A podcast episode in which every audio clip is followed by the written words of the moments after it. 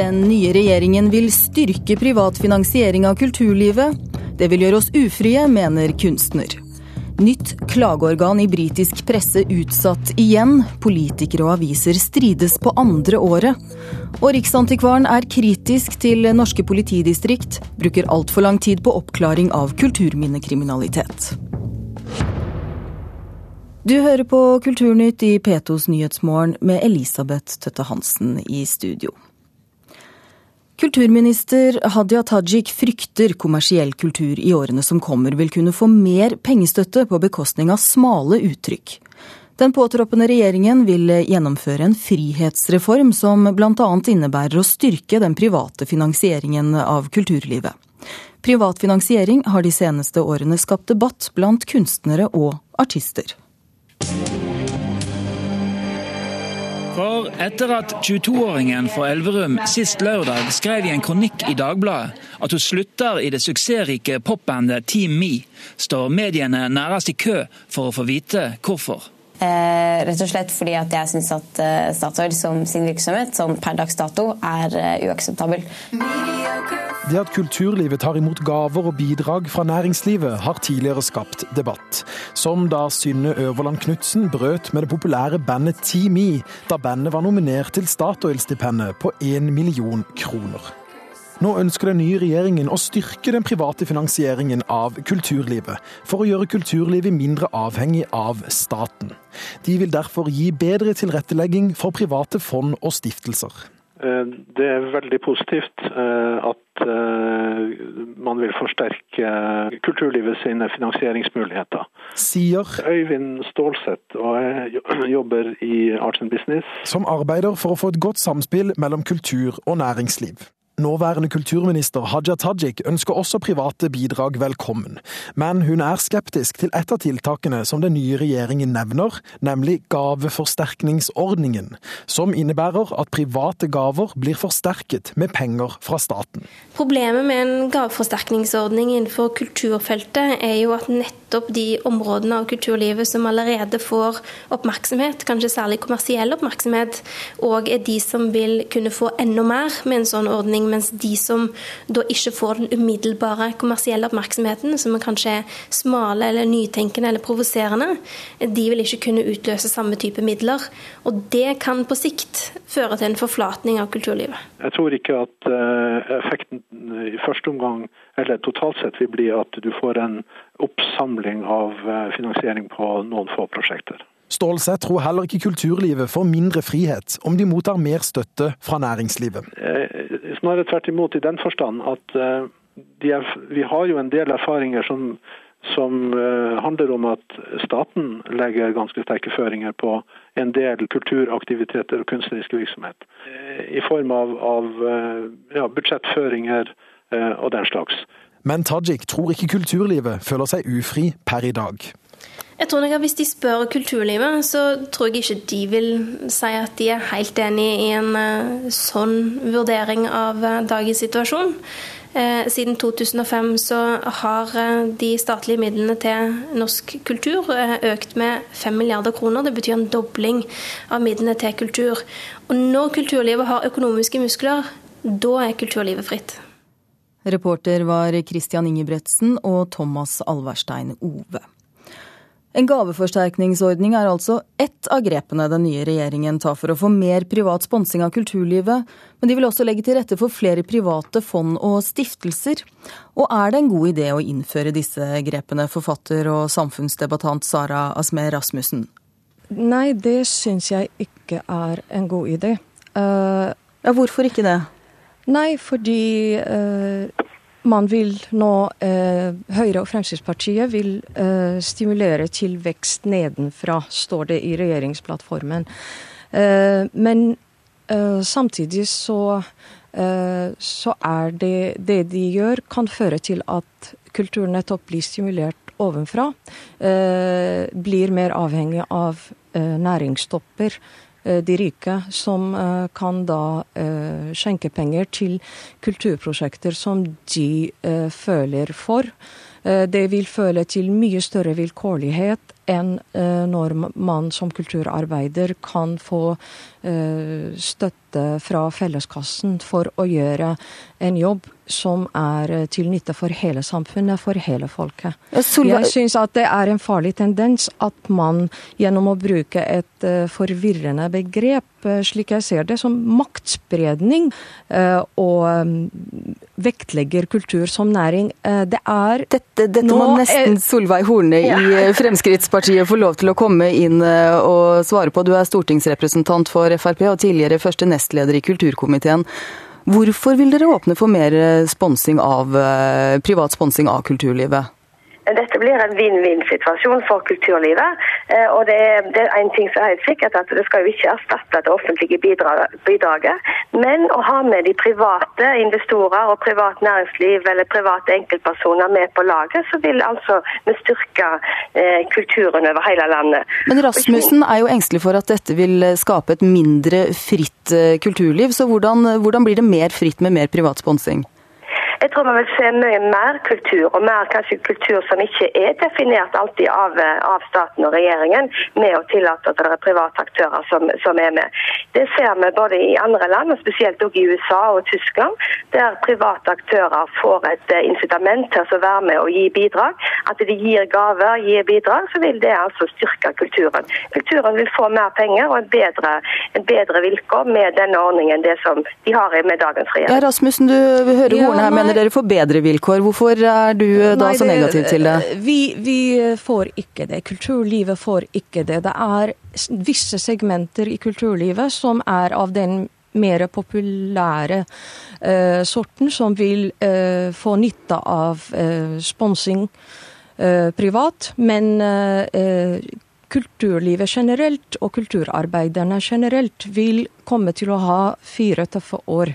Eh, for dette er eh, etter mitt syn et eh, middelaldersk og rett og slett udemokratisk. Og det er oppsiktsvekkende at denne dette skiftet, altså den, denne nedprioriteringen av kultur, hvor man ikke lenger ønsker å satse på kultur eh, gjennom med offentlige midler, mens man eh, vil satse på veier og, og, og så videre og så videre.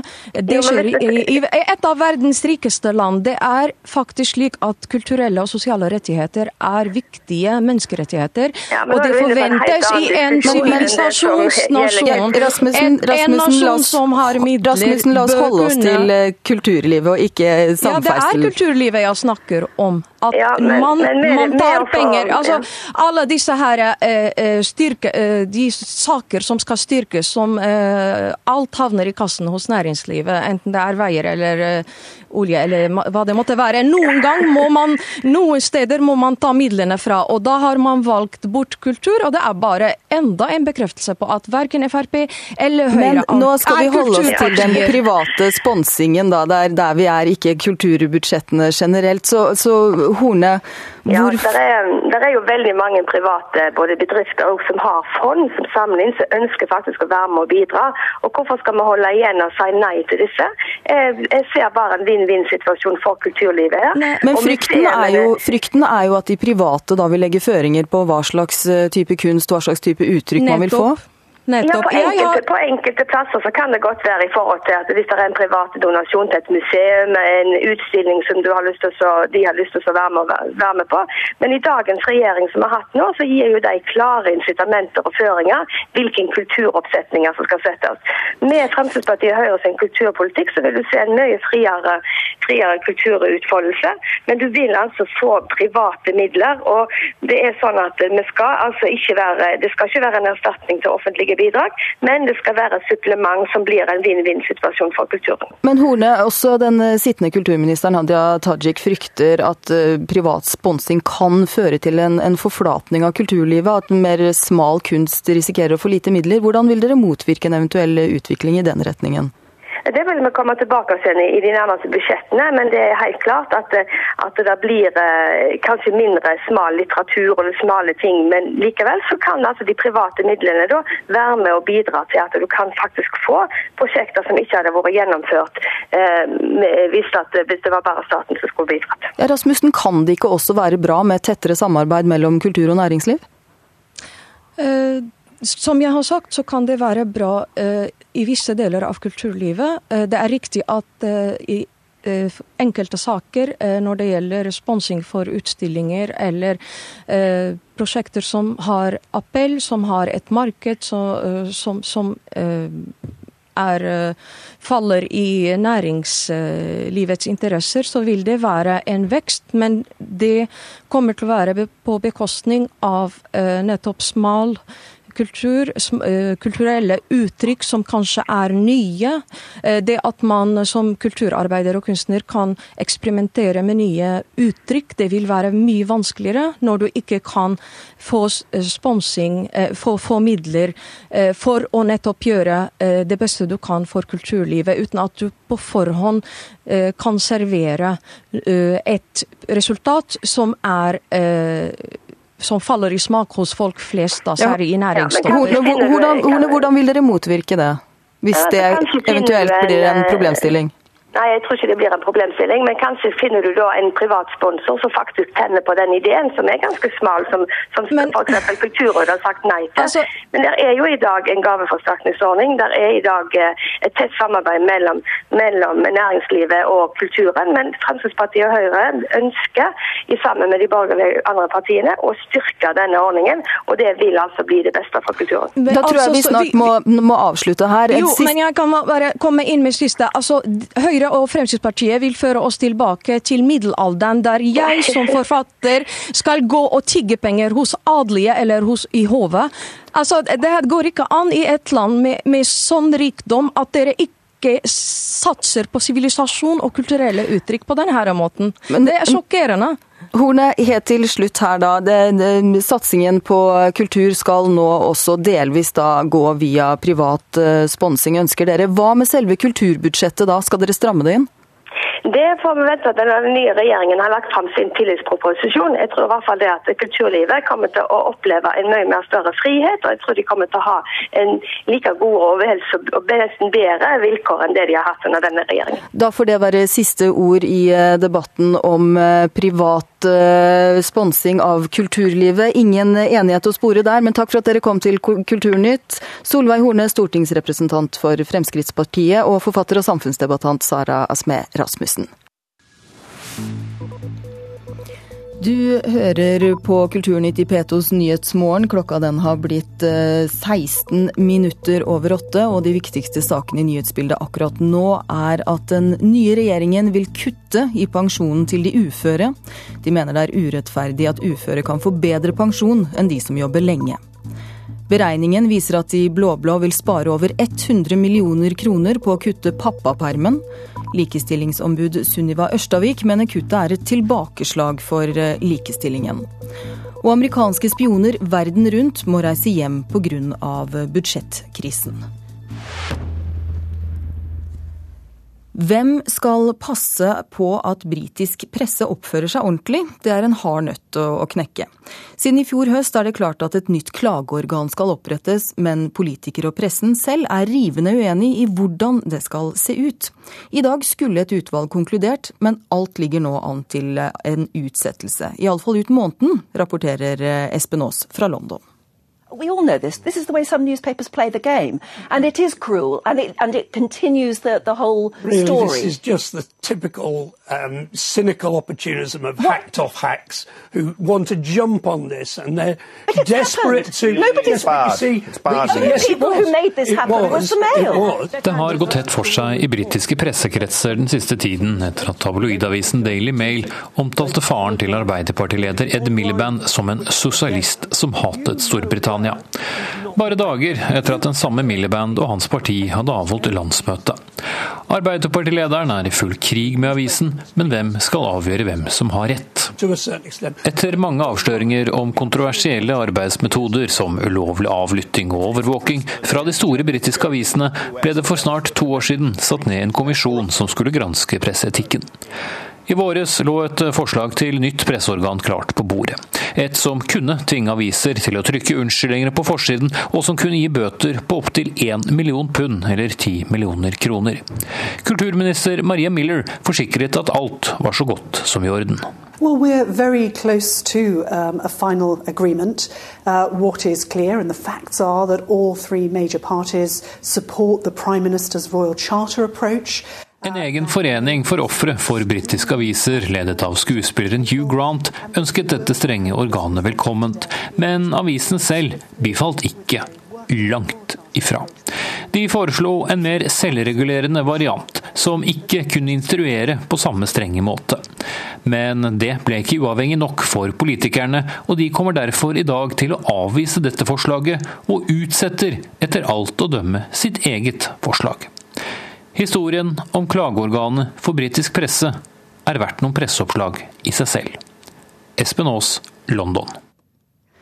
Fra London skal vi til Bergen, for det mangler vilje og mot til å bygge mer spennende i Bergen, mener plansjefen i Bergen kommune Mette Svanes. Kommunen er en brems for fremtidsutvikling, sier arkitekter og utbyggere. Jeg ser lite som jeg tenker at åh, dette var flott. Mette Svanes, plansjef i Bergen kommune, snakker om byggene i Bergen.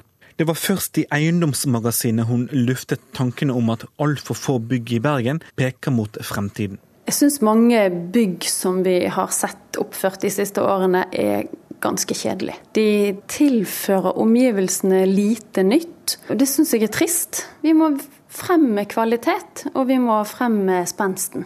Hva er det som er lite spenstig med dem? Det må være litt litt modigere. Arkitekturen i Bergen har på mange måter stoppet opp. Tor Magne Birkeli, utbyggingsdirektør i Bergen og omegn boligbyggelag Bob, sier at det er krevende å få gjennomslag for nyskapende prosjekter. Bobs store prosjekt i dag er Damsgårdstundet i Bergen. Blant annet skal de bygge verdens høyeste trehus. Planene var allerede kjent i 2007, men først i mai i år ga byrådet sitt endelig ja til bygget. Det er tidskrevende, og det er krevende å få igjennom, fordi at det ligger føringer allerede fra Bergen kommune som er særdeles vanskelig å kunne gjøre noe med. Er Bergen kommune i veien for eh, fremtidsrettet eh, utbygging i Bergen? På eh, flere dedikerte områder så, så, mener jeg det. Og vi eh, har møtt eh, veggen i flere av våre prosjekter i Damsgårdsutbyggingen. Hadde det vært vilje, større vilje, så kunne vi fått mer til enn det vi har greit så langt. Det går an å vise fremtidsrettet og, og nyskapende arkitektur innenfor disse rammene. Reporter var Renold Tennison Christoffer. Denne helgen feiret Det Norske Teatret sine 100 år ettertrykkelig med tusenvis av besøkende i hovedstaden. I den anledning utkommer teaterhistorien Trass alt Det Norske Teatret 1913 til 2013 av journalist og forfatter Alfred Fidjestøl. Fidjestøl har skrevet en knakende god fortelling gjennom 100 år, men mister noe av teatermagien av syne på veien, mener vår anmelder Knut Hoem. Alfred Fidjestøl skriver sin fortelling med stor sans for detaljer. En strigråtende Egil Monn Iversen sørger over nyheten om Rolf Just Nilsens tidlige død i pausen under musikalen Piaf, før han går inn i orkestergraven til andre akt. Skuespillerinnen Ragnhild Halt strikker en strømpe som bare blir lenger og lenger i løpet av de 70 kveldene dramatiseringen av Olaf Duns medmenneske står på plakaten. Harald Heide Steen jr. synger 'Sett deg opp i køret og la ballangen gå' på audition, og blir valgt ut til å spille Dovregubben i Per Gynt av selveste Robert Wilson. I tillegg konsentrerer forfatteren seg om noen hovedmotiver som han kommer tilbake til igjen og igjen, og som gjør han lett å følge. Det handler om teaterets 72 år lange vandring fra scene til scene, før de endelig fikk sitt eget hus. Det handler om det Fidjestøl kaller tofotsstrategien, evnen til både å fylle hovedscenen med folkelige komedier og musikaler, samtidig som de ville presentere toppen av europeisk avantgarde. Tenk bare på Beckett, Tenk på Tom Tellefsen. Tenk bare på Agnes Mowinckel, nydelig skildret i boken, som reiste ut til Europa og kom hjem med siste skrik innen ekspresjonistisk teater. Vi har å gjøre med et omfattende verk, hele 779 sider. Det duger så det holder som fortelling, men svikter litt som oppslagsverk. Etter å ha lest kronologisk en stund, klarer jeg ikke dy meg. Jeg går bak i registeret for å sjekke hva Fidjestøl skriver om maratonforestillingen Merlin av Tankred Dorst, for dette var en av mine store teateropplevelser i formative år. Der leter jeg forgjeves, for boken mangler et ordentlig register over forestillingene. Dermed må jeg lete meg fram til forestillingen i den løpende fortellingen. Fidje Støl siterer da, som han ofte gjør, teaterkritikkene av Stein Winges forestilling, og de var, som så ofte med Stein Winge, sprikende. Han siterer VG, som bare var opptatt av at det var nakne damer, og anmelderen i Dagens Næringsliv, som ikke ble grepet. Og da hjelper det ikke helt, verken for forestillingens eller for Winges ettermæle i denne boken, at danske politikken kalte Winge for et kraftgeni. Fidjesøls bok er ikke forestillingsnær, og han redegjør selv i forordet for at han ikke er det.